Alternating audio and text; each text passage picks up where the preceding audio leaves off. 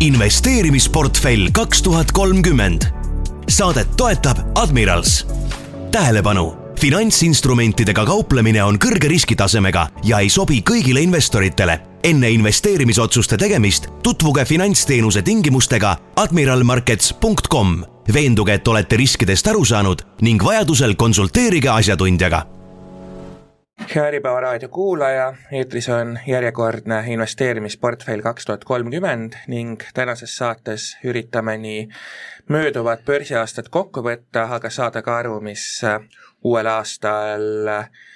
turg ees ootamas on ja mis siis selle rikkuse ikka lõpuks õuele tuua võiks. ja see tähendab, et vaatame üle, millised trendid hetkel maailma valitsevad, milliste varadega kaubeldes Äh, on potentsiaal kõige suurem ning äh, kuhu oleks täna hea investeeringuid teha. ning äh, neid teemasid oleme stuudiosse kommenteerima palunud Admirals Grupi tegevjuhi Sergei Bogatenkovi, tere päevast, Sergei! tere! ja saadet juhib Indrek Mäe Äripäeva börsitoimetusest. aga alustamegi võib-olla sellest, et millise pilguga teie vaatate täna turgudel toimuvat, et USA aktsiaturud niisugune äh, kahekümne protsendi kandis, Tallinna börs nullis,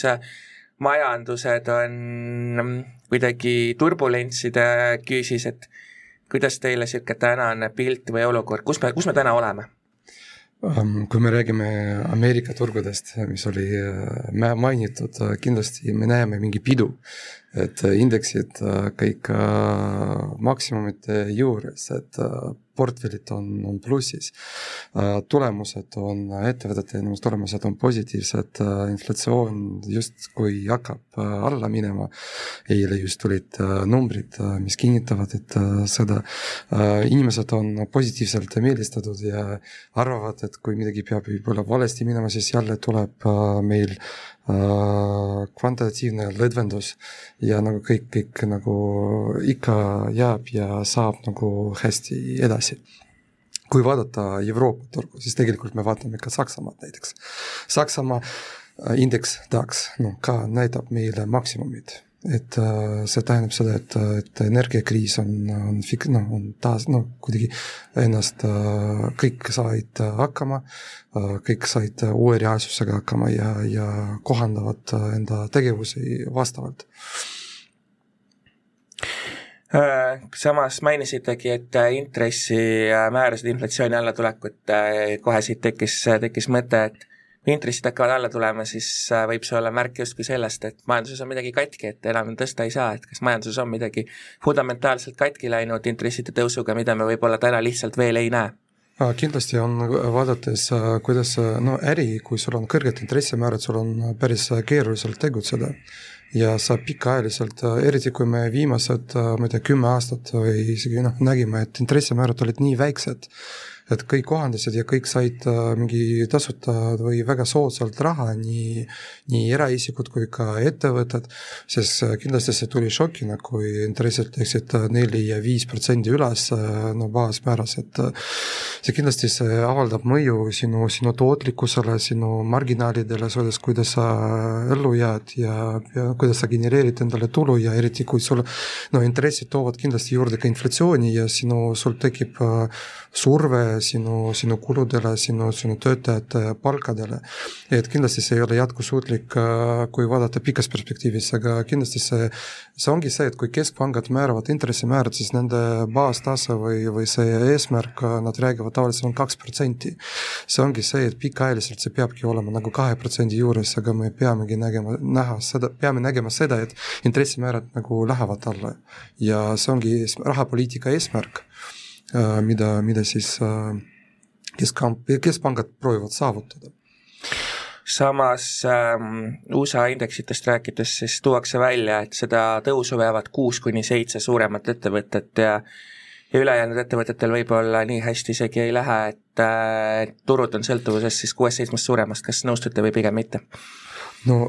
ma nõustun, kuna ma näen numbreid ja, ja seda, mis tegelikult ju numbrid näitavad ja, ja kindlasti me, me teame ka seda, et see seitse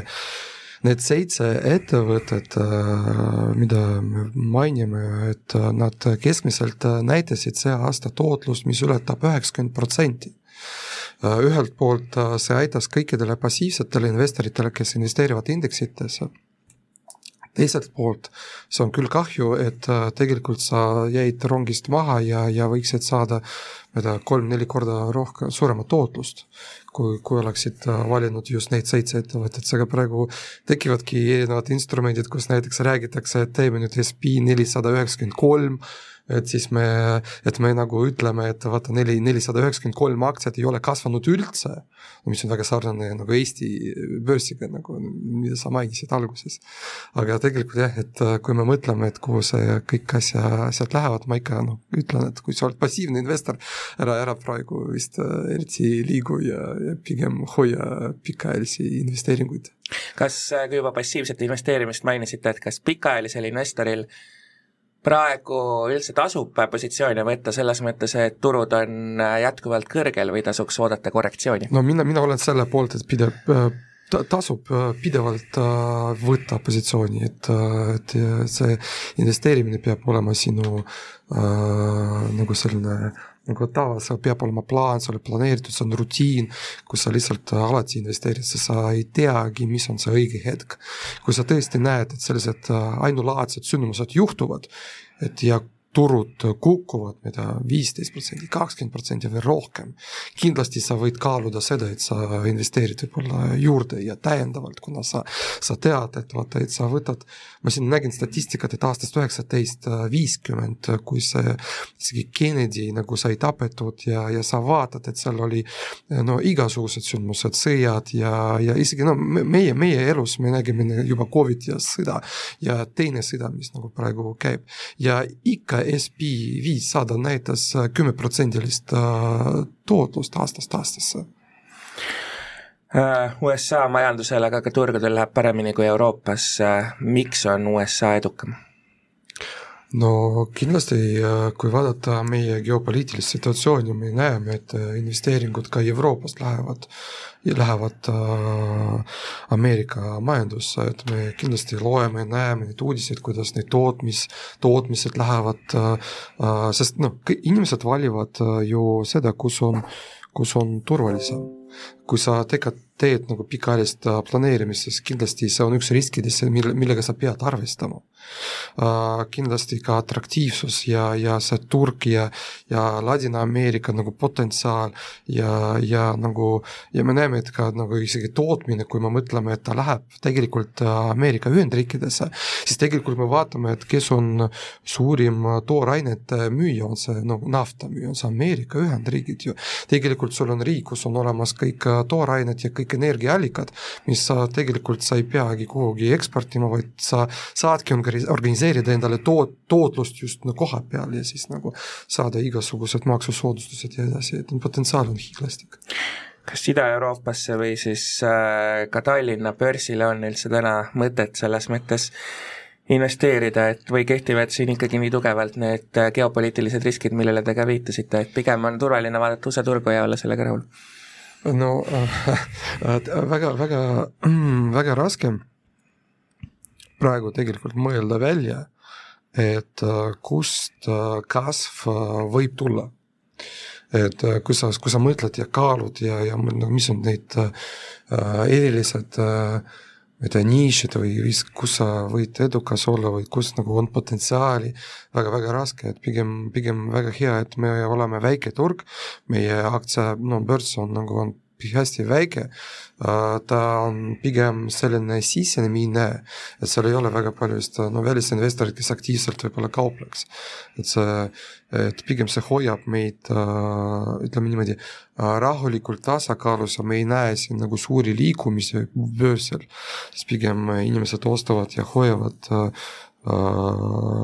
need positsioonid, aga pigem jah, et väljakutsed tulevad praegu igalt poolt me, me näeme nii kui sisemised kui ka välist nagu väljakutsed ja kõik see mõjutab, seega meil vaja lihtsalt leida seda teed, ma arvan, et seal on noh, ei ole vastust, vaid me peamegi leidma vastust, mida noh, kus on see potentsiaal ja kuidas me areneme.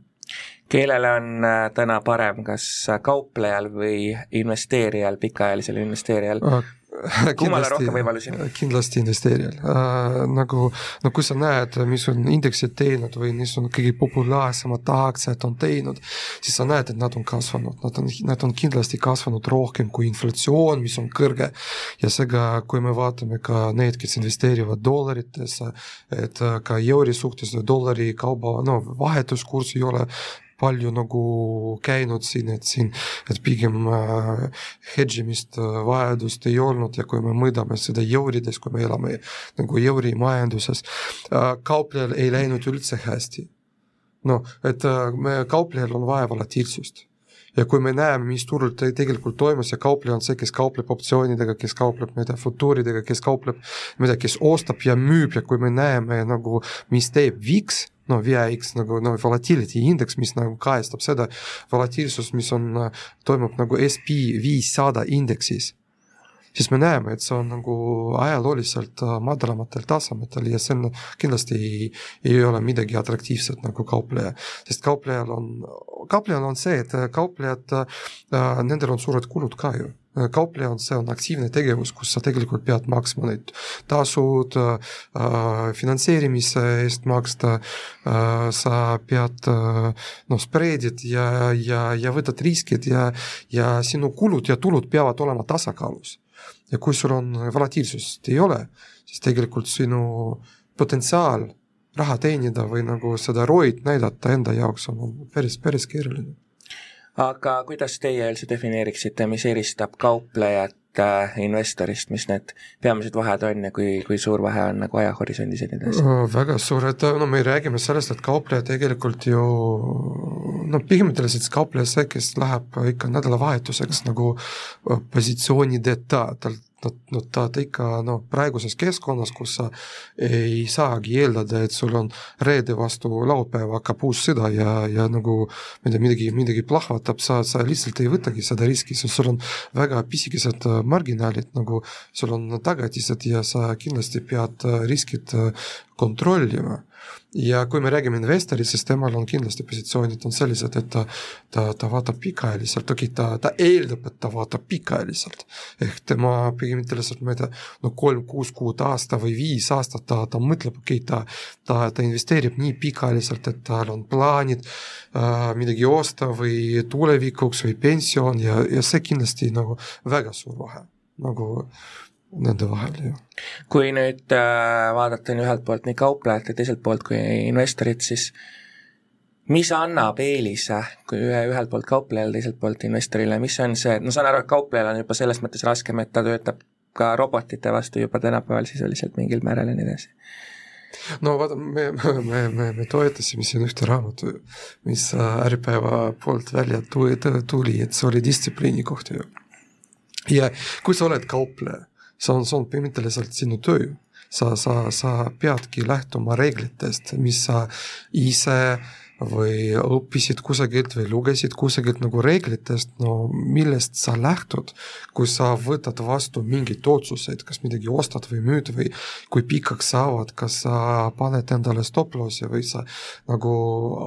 annadki endale aru, et, et sa oled nõus sellise miinusega või selle nagu tulemusega, et tegelikult siis sa vaatad üle ja näiteks võtad hoopis teistsugused nagu teissuunalist otsust ja see on, see on distsipliin, see, see nagu, kui sa, kui sa oled, kui sa ei lähtu mingitest sisereeglitest või distsipliinist, see on pigem spekulatiivne äh, no lähenemine, siis see on nagu kasiinolaadne lähenemine, et siis sa lihtsalt panustad ja, ja loodad ju. ja sest nagu, kui me lähtume äh, ja see, see võib olla, see võib töötada ju tegelikult, kui lähtuda nagu raamatutest ja teadmistest, mis nagu on üleval ja siis no tavaliselt nad räägivadki, tegelikult keegi ei saa nagu lühikeses perspektiivis midagi ennustada. Noh, kui sa, kui sa mõtled, et kui sa lähed Ameerikasse, pead dollarit ostma ju, ja siis sa mõtled, et kas sa ostad praegu või ostad hiljem või, või mul, sul on mingi noh, platvorm, kus sa saad vahetada neid dollareid nagu ette, olles siis Wise või midagi nagu, siis sa tegelikult noh, ja, ja noh, professorid ütlevad sulle, et sa, sa ei saagi ennustada, sa ei, sa ei teagi. sa lihtsalt pead kokku leppima sellega, selle hinnaga, mis sa praegu näed. Ja ongi, see on sinu otsus kas läheb üles, läheb alla, kas iPhone läheb soodsamaks või kallimaks, noh, seda, seda ei oska keegi prognoosida ühesõnaga, kui turgudel äh, tegutsed, siis pane enda jaoks lihtsalt mingid konkreetsed reeglid paika ja sellega on juba pool võitu äh, nii-öelda kodus. kindlasti, kui sa, kui sa võtad positsiooni ja ütled, et okei okay,, ma olen nõus, okei okay,, see on, see on spekulatiivne või see on minu idee, ma olen nõus kaotama viis euri, okei okay,, fine, siis sa, sa kaotadki, kui sa ei lähe lendama, siis sa kaotadki viis lend-, viis euri. ja see ongi sinu nagu fikseeritud loo, siis võtad teist ideed ja nagu ja, ja proovid seda millised äh, investeeringud ja instrumendid on täna Admirals Marketis äh, kõige populaarsemad, millega kõige rohkem kaubeldakse, kuhu poole vaadatakse? kui me räägime kauplejatest äh,, hiljem ma räägin investoritest, kauplejad kindlasti eelistavad seda, kus on suurim likviidsus ja sest me räägime sellest, et seal lihtsalt inimene tahab väljuda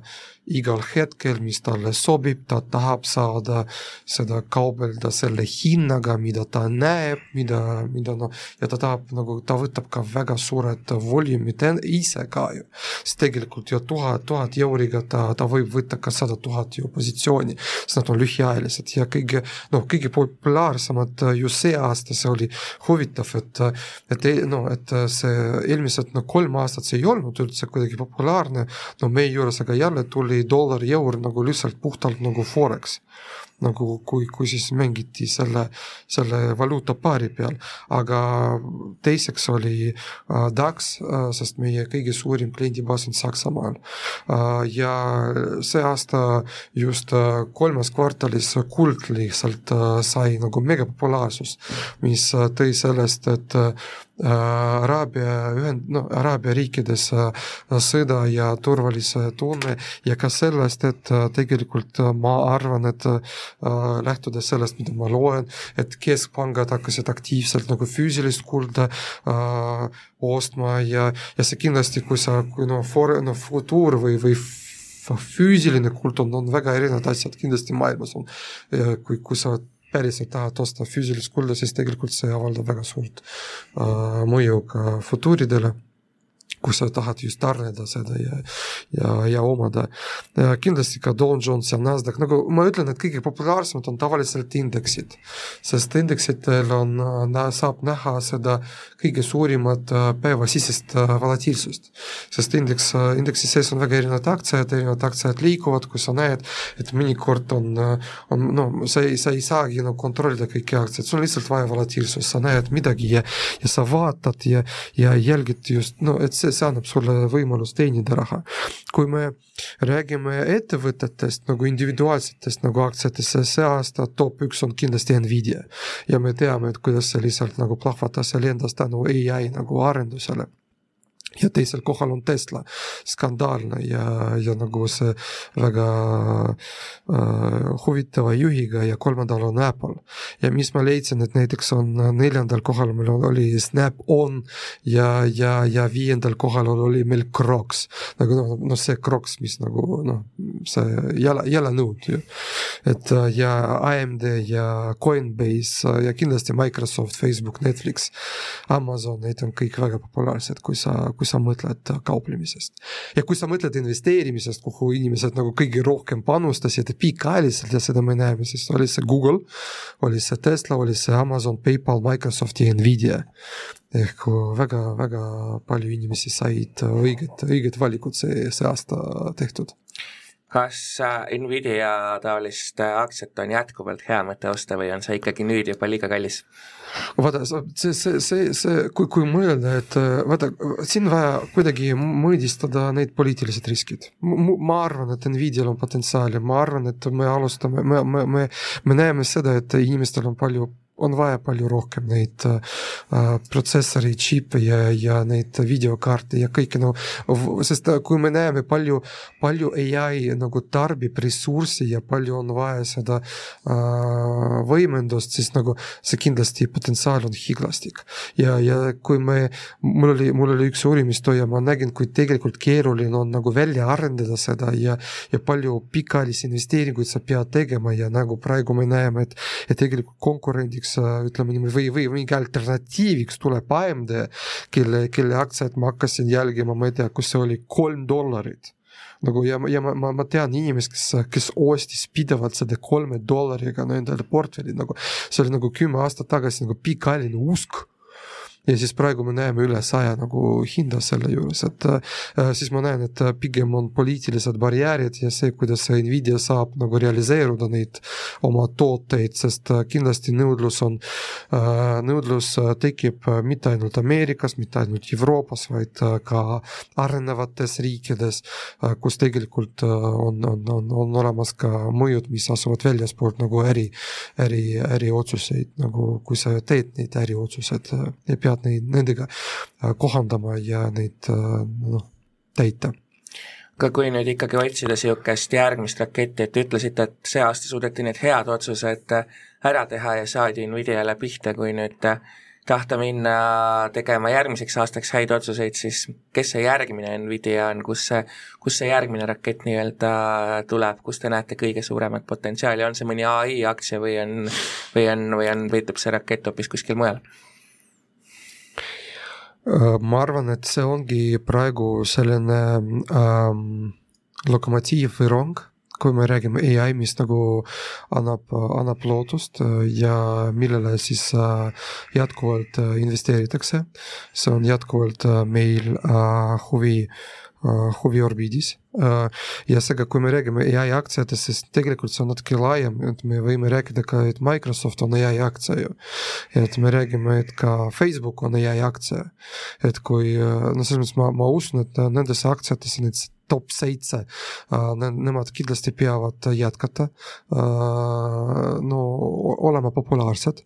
sest jälle me räägime sellest, et aktsia ju hind sõltub sellest, et palju on nõudlust ja palju on nagu pakkumist ju. see nõudlus ja pakkumine ju, kui on olemas nõudlus ja siis see aktsia nagu kasvab. ja kindlasti seal, seal on potentsiaali jah, et kui rääkida teistest sektoritest, siis äh, äh, no ma, ma, ma oskan vaid äh, rääkida,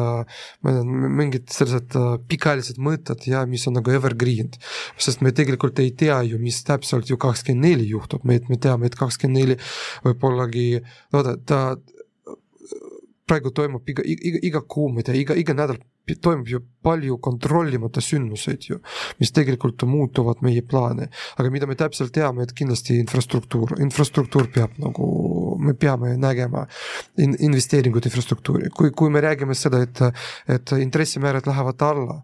siis ongi võib-olla hetk jälle, kui, kui mõelda infrastruktuuri, siis me noh, me räägime sellest, et finantseerimine peab olema mõistliku hinnaga.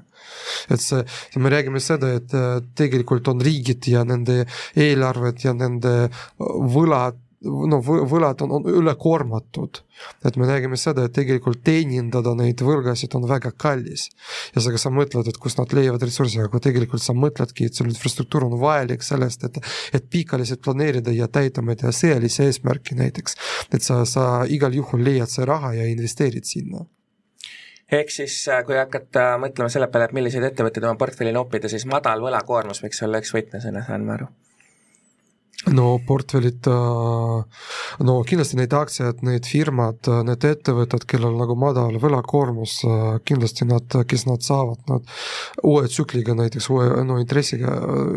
no kaasata finantseerimist, kes näitavad tegelikult positiivset tulemust, kes näitavad, et nad on plussis ja kellel nagu raha antakse ja laenatakse, kindlasti nendel on, on, nendel on potentsiaali arendada, osta kedagi, investeeruda ja Äh, kauplemist ja investeerimist veel võrreldes, kui paljud jäävad üldse kummaski valdkonnas plussi, et selleks, et üks, eks võita, peab reeglina teine kaotama, vähemalt kauplemises on see nii, et äh, jah, investeerimise puhul saab ka kasvust osa saada ja kõik koos, eks, et äh, kuidas nüüd äh,, kuidas teie näete, et no siin on äh, oluline ja ma näen kõik, ma, näen kogu statistikat ju. ma nägin, kuidas äh, sadu tuhandeid no, inimesi investeerivad ja kauplevad ja huvitav fakt on see, et, et statistika järgi on tegelikult kuuskümmend kuus protsenti ehk nagu kaks kolmandikku tehingutest on klientidele, klientide jaoks positiivsed. ehk tegelikult nagu äh, kui klient teeb tehingu, siis suurema tõenäosusega ta, ta on plussis ta võib võtta seda võitu või seda tootlust ja, ja tulu ja, ja olla nagu rahul. mis tegelikult toimub, toimub selline psühholoogiline probleem siin miks lõppude lõpuks ka teine statistika näitab et, et kaheksakümmend protsenti inimestest, kes alustavad, lõppude lõpuks kaotavad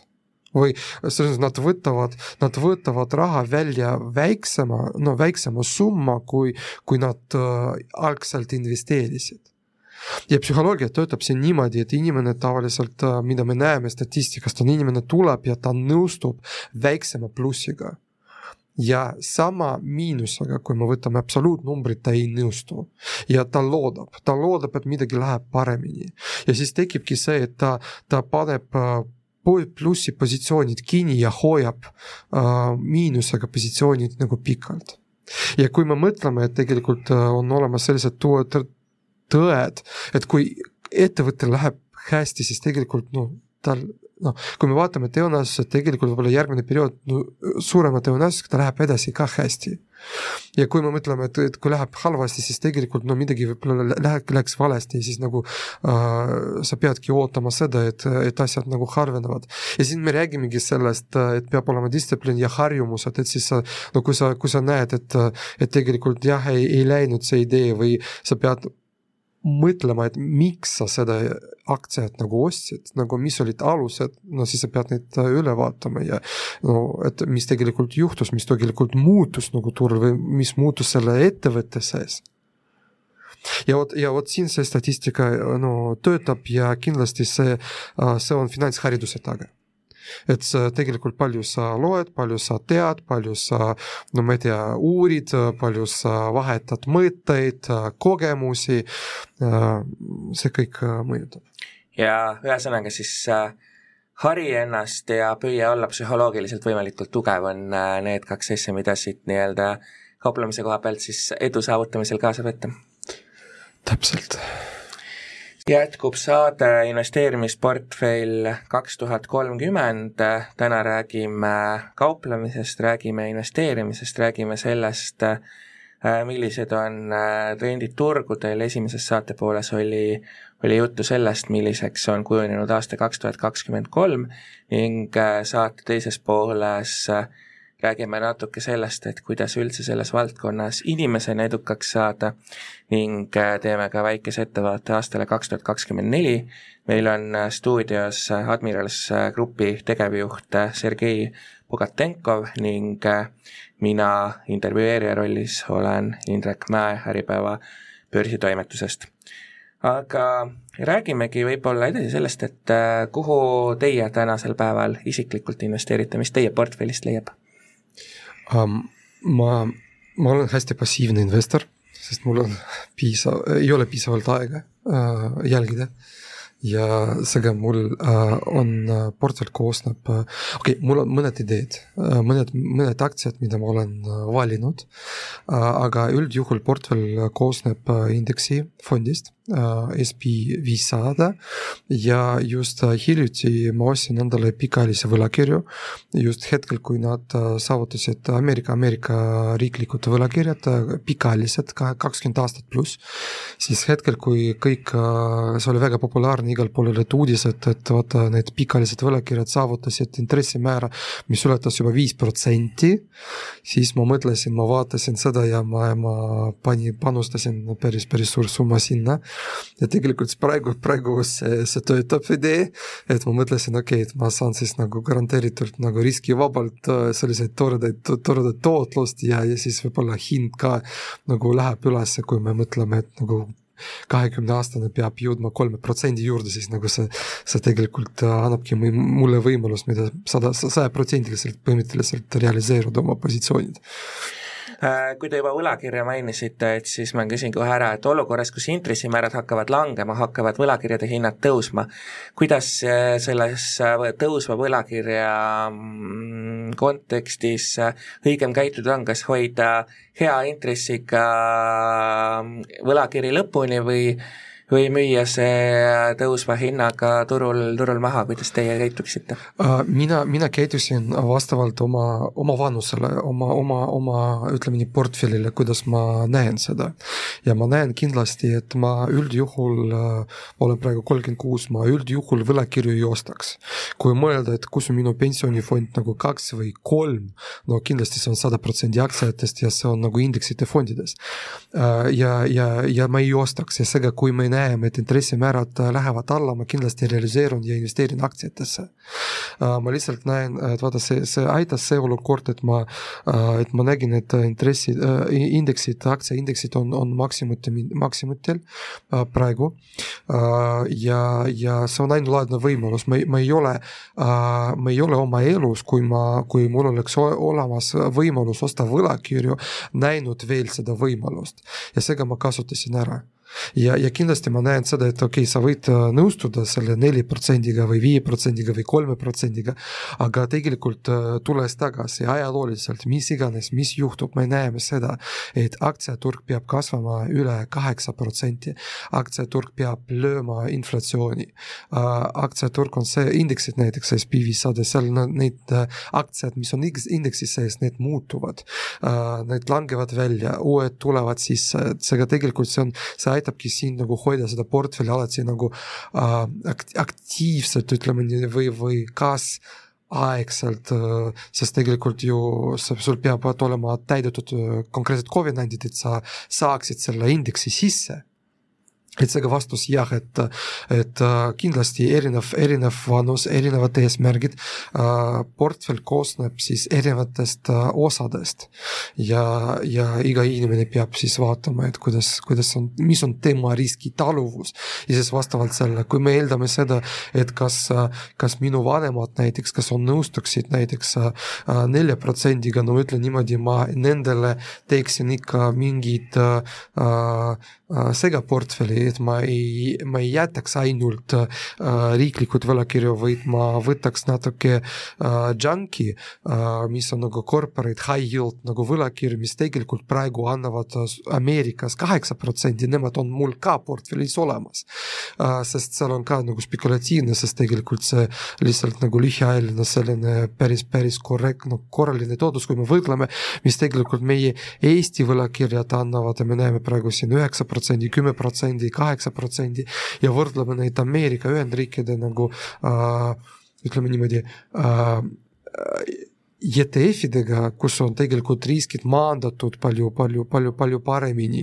sest kindlasti ma, no seepärast see oligi otsus, miks ma valisin just äh, ETF-id, kus oli, mis koosnevad paljudest võlakirjadest äh, minu jaoks, siis ma ei võtaks, ma ei võtaks seda konkreetset ettevõtte riski endale. ja kui, kui ja kui jälle vaadata, et ka Saksamaa võlakirjad riiklikud, mis on nagu nullriskiga põhimõtteliselt ju, annavad sulle neli protsenti või sul on hoiused äh meie erapankades annavad sulle neli protsenti, siis siin ka nagu sul võimalus valida ju tegelikult, mis riskid sa võtad, kas mingi väikse panka riski äh,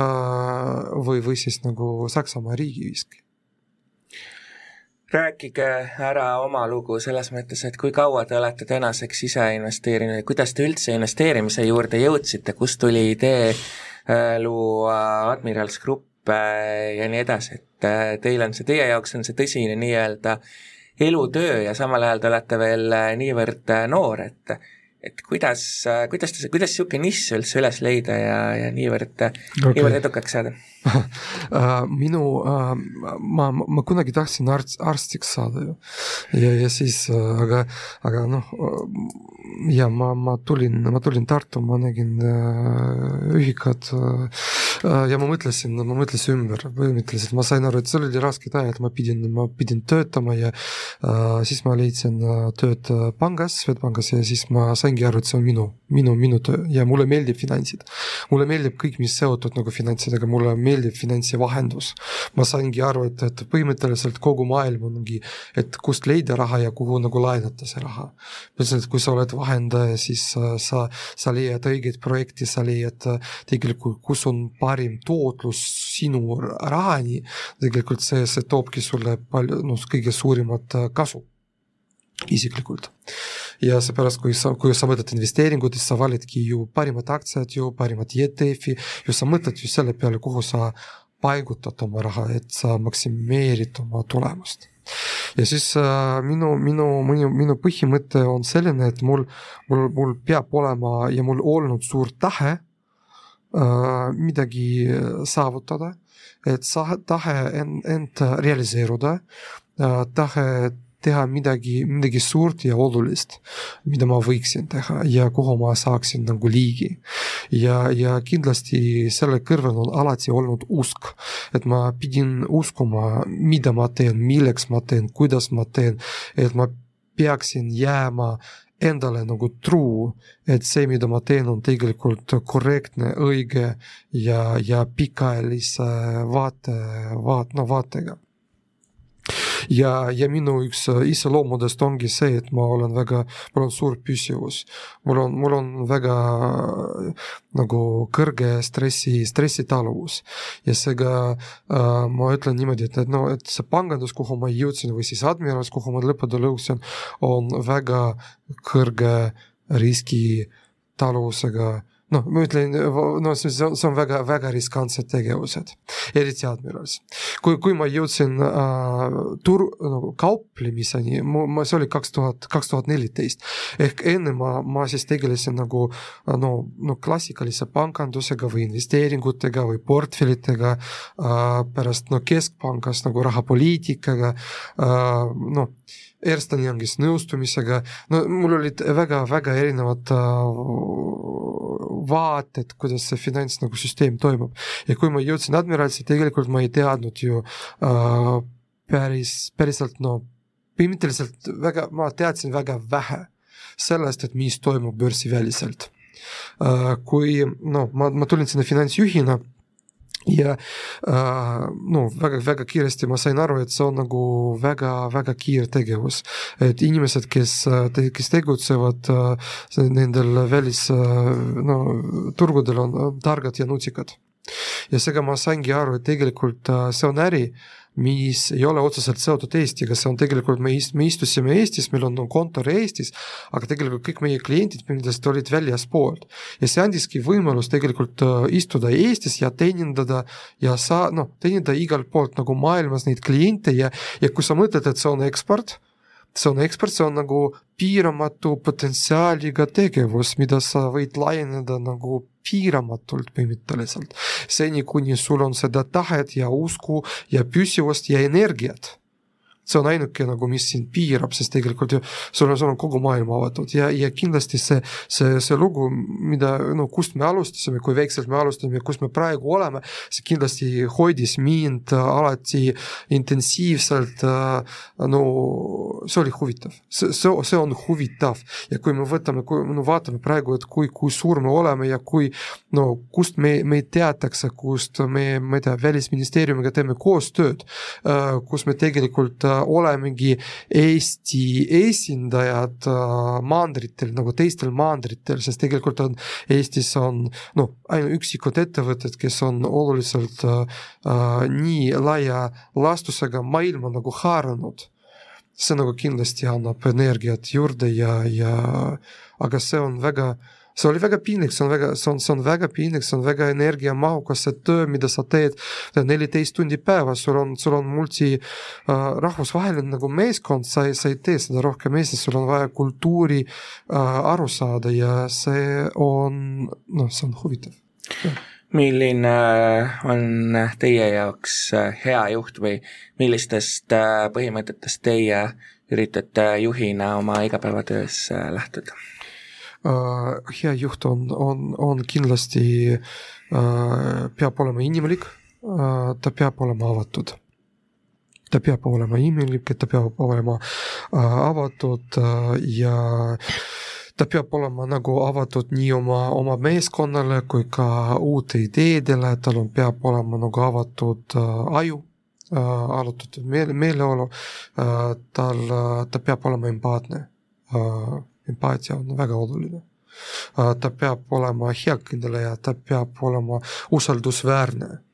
ja tal peab olema kindel äh, strateegia, tal peab olema kindel visioon, et ta saaks seda visiooni nagu edastada ja, ja kommunikeerida nagu kõikidele kõikidele, nii sees kui väljaspool, see stakeholder'id, neid on väga erinevad. kui sa mõtled, nad on sinu partnerid, nad on sinu töötajad, nad on sinu investorid, nad on riiklikud asutused äh, ja isegi need, kes tegelikult mingid organisatsioonid, mingid need äh, mittetulundusühingud, kes tegelikult tulevad ja, ja annavad ka mingit, mingit sisendit sulle tegelikult, kuidas sa pead käituma äh,. mis äh mis on teie platvormil nähtud kõige suurem võit, aga ka kaotus? okei okay., ma, ma nägin seda, kuidas inimene on võitnud viis miljonit. noh, võitnud, kaubelnud ja teeninud nagu viis miljonit. ja ma nägin seda, kuidas inimene kaotas üks miljon. aga noh, see on haruldased.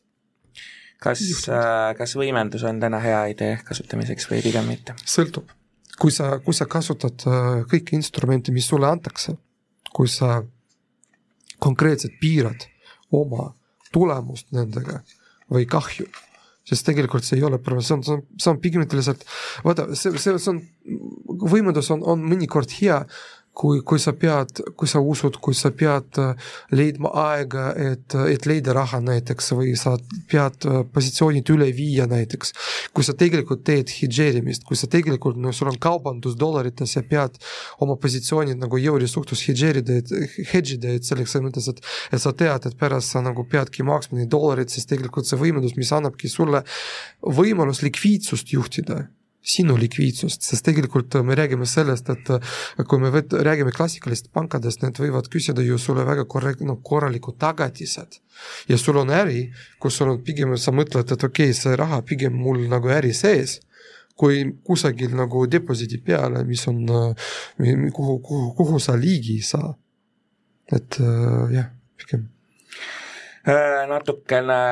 ka uutematest või ma ei tea, kas nüüd uuemateks nimetatud trendidest rääkides ja samal ajal kuude aastasse vaadates, et krüptovaluutad ja kuld on midagi, mis hakkavad jälle justkui on uue tõusulaine harjal, et ähm, kui palju nende poole vaataksite, on teil üldse usku? Uh, nii, krüptovaluuta uh,. krüptovaluuta on uh, minu jaoks uh, selline praegu leiutis, et, et, et seal on, me näeme, et seal on siiamaani olemas nõudlus. Ja me teame, et nõudlus, kui nõudlus on, siis hinnad hoiavad. et see tähendab, et sel turul on olemas usk. Ja kui olemas usk, siis tegelikult see tähendab seda, et, et noh, on olemas ostjad ja on olemas need, kes usuvad, et Bitcoin võib maksta, ma ei tea, miljon ja kümme miljonit. et äh, turgudel töötab kõik põhimõtteliselt niimoodi ka no ma ei tea, kas ka, ka aktsiatega ja ka futuuridega, et ja ka teiste instrumentidega, et kui on olemas nõudlus, kui on olemas kokkulepe, et see, mida me usume, see, kuidas meil finantssüsteem toimub, siis see, siis see töötab et kui, kui kaua see on, kui, kui suur on see usk, mis võib mõjutada, mis võib kahjustada seda mainet, kuidas see usk kaob, siis me teame, et need sündmused võivad juhtuda väga kiiresti et sa noh, midagi sa, sa ei saa prognoosida, et midagi läheb katki, kusagil elekter läheb nagu lihtsalt äh, kaotsi, noh elektrit ei ole ja siis, siis sa ei saagi nagu tegelikult ju kanda midagi ju. sa ei saa hoida, sa ei saa kontrollida, mis on jääk, sa ei noh, sa, see, see on, see on probleem ka, ka kullaga näiteks, no kui me räägime kullast. no okei okay,, kui sul on füüsiline kuld siis sa tajud seda, sa, aga jälle sa, sul on äh, ho-, ho-, hoiustamise kulud ju. sa pead ju seda kuidagi äh, turvaliselt hoida kusagil, et ega see kuld ju väga kallis ja väga väike äh, no kullatükk võib maksta väga, väga, väga palju ju. ja jälle, kas sa usaldad pankasid, kas sa usaldad nende hoiulaikasid ja, ja selles mõttes, kui sa kullaga no kaupled, siis noh, futuuriga sa võid spekuleerida, aga, aga mina, mina näen, et no investeerimine no kui vaadata jälle, kui vaadata statistikat ja, ja seda, mis tegelikult, mida teised varaklassid teevad, no siis võib leida mingid alternatiivi, mis, mis on vähem, ütleme niimoodi, nõudlik ja sulle, et samamoodi nagu kinnisvara ja sa võid osta korteri, pärast sa hakkad remonti tegema, mõtled, kellele sa uurid noh, tegelikult sa võid leida ka teist alternatiivi ju, sul ei ole vaja, no sa, sul on korteri, kui sa omad, see on väga lahe, sul on füüsiline omadus, sa tead, et see on sinu korter, sa võid sinna tulla, tea, diivanil istuda, samas kui sa ostad ETF-i või mingit, mingit ma ei tea, fonditüki või midagi, siis sa kindlasti ei taju, siin on erinevad lähenemised, et mõnikord on meie otsused põhja, noh, meie otsuste taga ei ole, ei ole ratsionaalsus, vaid mingid emotsioonid. vot seda, seda, mida ma, ma võin öelda et. Äh, selge pilt, äh, kui nüüd äh, püüda veel kuidagi kokku võtta seda kõike, et ähm, ja, ja uute, uude aastasse vaatavalt siis mis oleks võib-olla teie jaoks kõige tähtsam asi, mida uuel aastal jälgida või või, või endaga nii-öelda kaasas kanda, mis, mis nii-öelda sellele investeerimisedule siis vundamendi laduda võiks? No äh, ma arvan, et oluline praegu kont-, äh, hoia, hoida kontrolli oma, oma raha, rahaasjade eest ja, ja õppida ja no kui midagi on, no lihtsalt lugeda õppida, kuidas, et, et, et teada, palju sinu tulud, palju sinu kulud, palju sinu vaba, vaba äh, käes olev raha hulk, mõelda säästudest, mõelda sellest, et mis tegelikult selle, selle mõtte taga, vara, no kas seal on väärtust, kas seal on mõtet praegu investeerida või mõte praegu midagi osta, sest tegelikult me, me praegu, no me ei os-, me ei osanud mõelda tegelikult, et tuleb Covid kakskümmend, et tuleb sõda kakskümmend kaks, et tuleb praegu veel nagu nagu Lähis-Idas mingi konflikt, tuleb mingi Ladina-Ameerikas konflikt, nagu tundub, et praegu üldse kolmas maailmasõda nagu stiilis midagi käib, et sa ei teagi, et nagu mis uh,, mis võib juhtuda homme, seega sa pead olema väga-väga-väga praegu adekvaatne ja, ja tõesti analüüsida, analüüsida kõike, mis sinu, sinu ümber toimub ja mõelda, et siis ma, ma usun seda, et inimesed saavad ikka istuda nagu laua taga, nad saavad kokku leppida, nad saavad rääkida ja see võib-olla juhtub juhtubki. ja, ja kui see juhtub, siis kõik on nagu hästi ja me saame nagu rahulikult nagu lõdvestuda, aga praegu me peame nagu kindlasti vastutama iseenda eest kõige rohkem. sest me näeme, et tegelikult teised meie, meie kohta eriti ei, ei muretse selge pilt suur,, suur-suur aitäh, äh, Admirals Grupi äh, tegevjuht Sergei Bogatenko täna selle intervjuu eest. aitäh, Indrek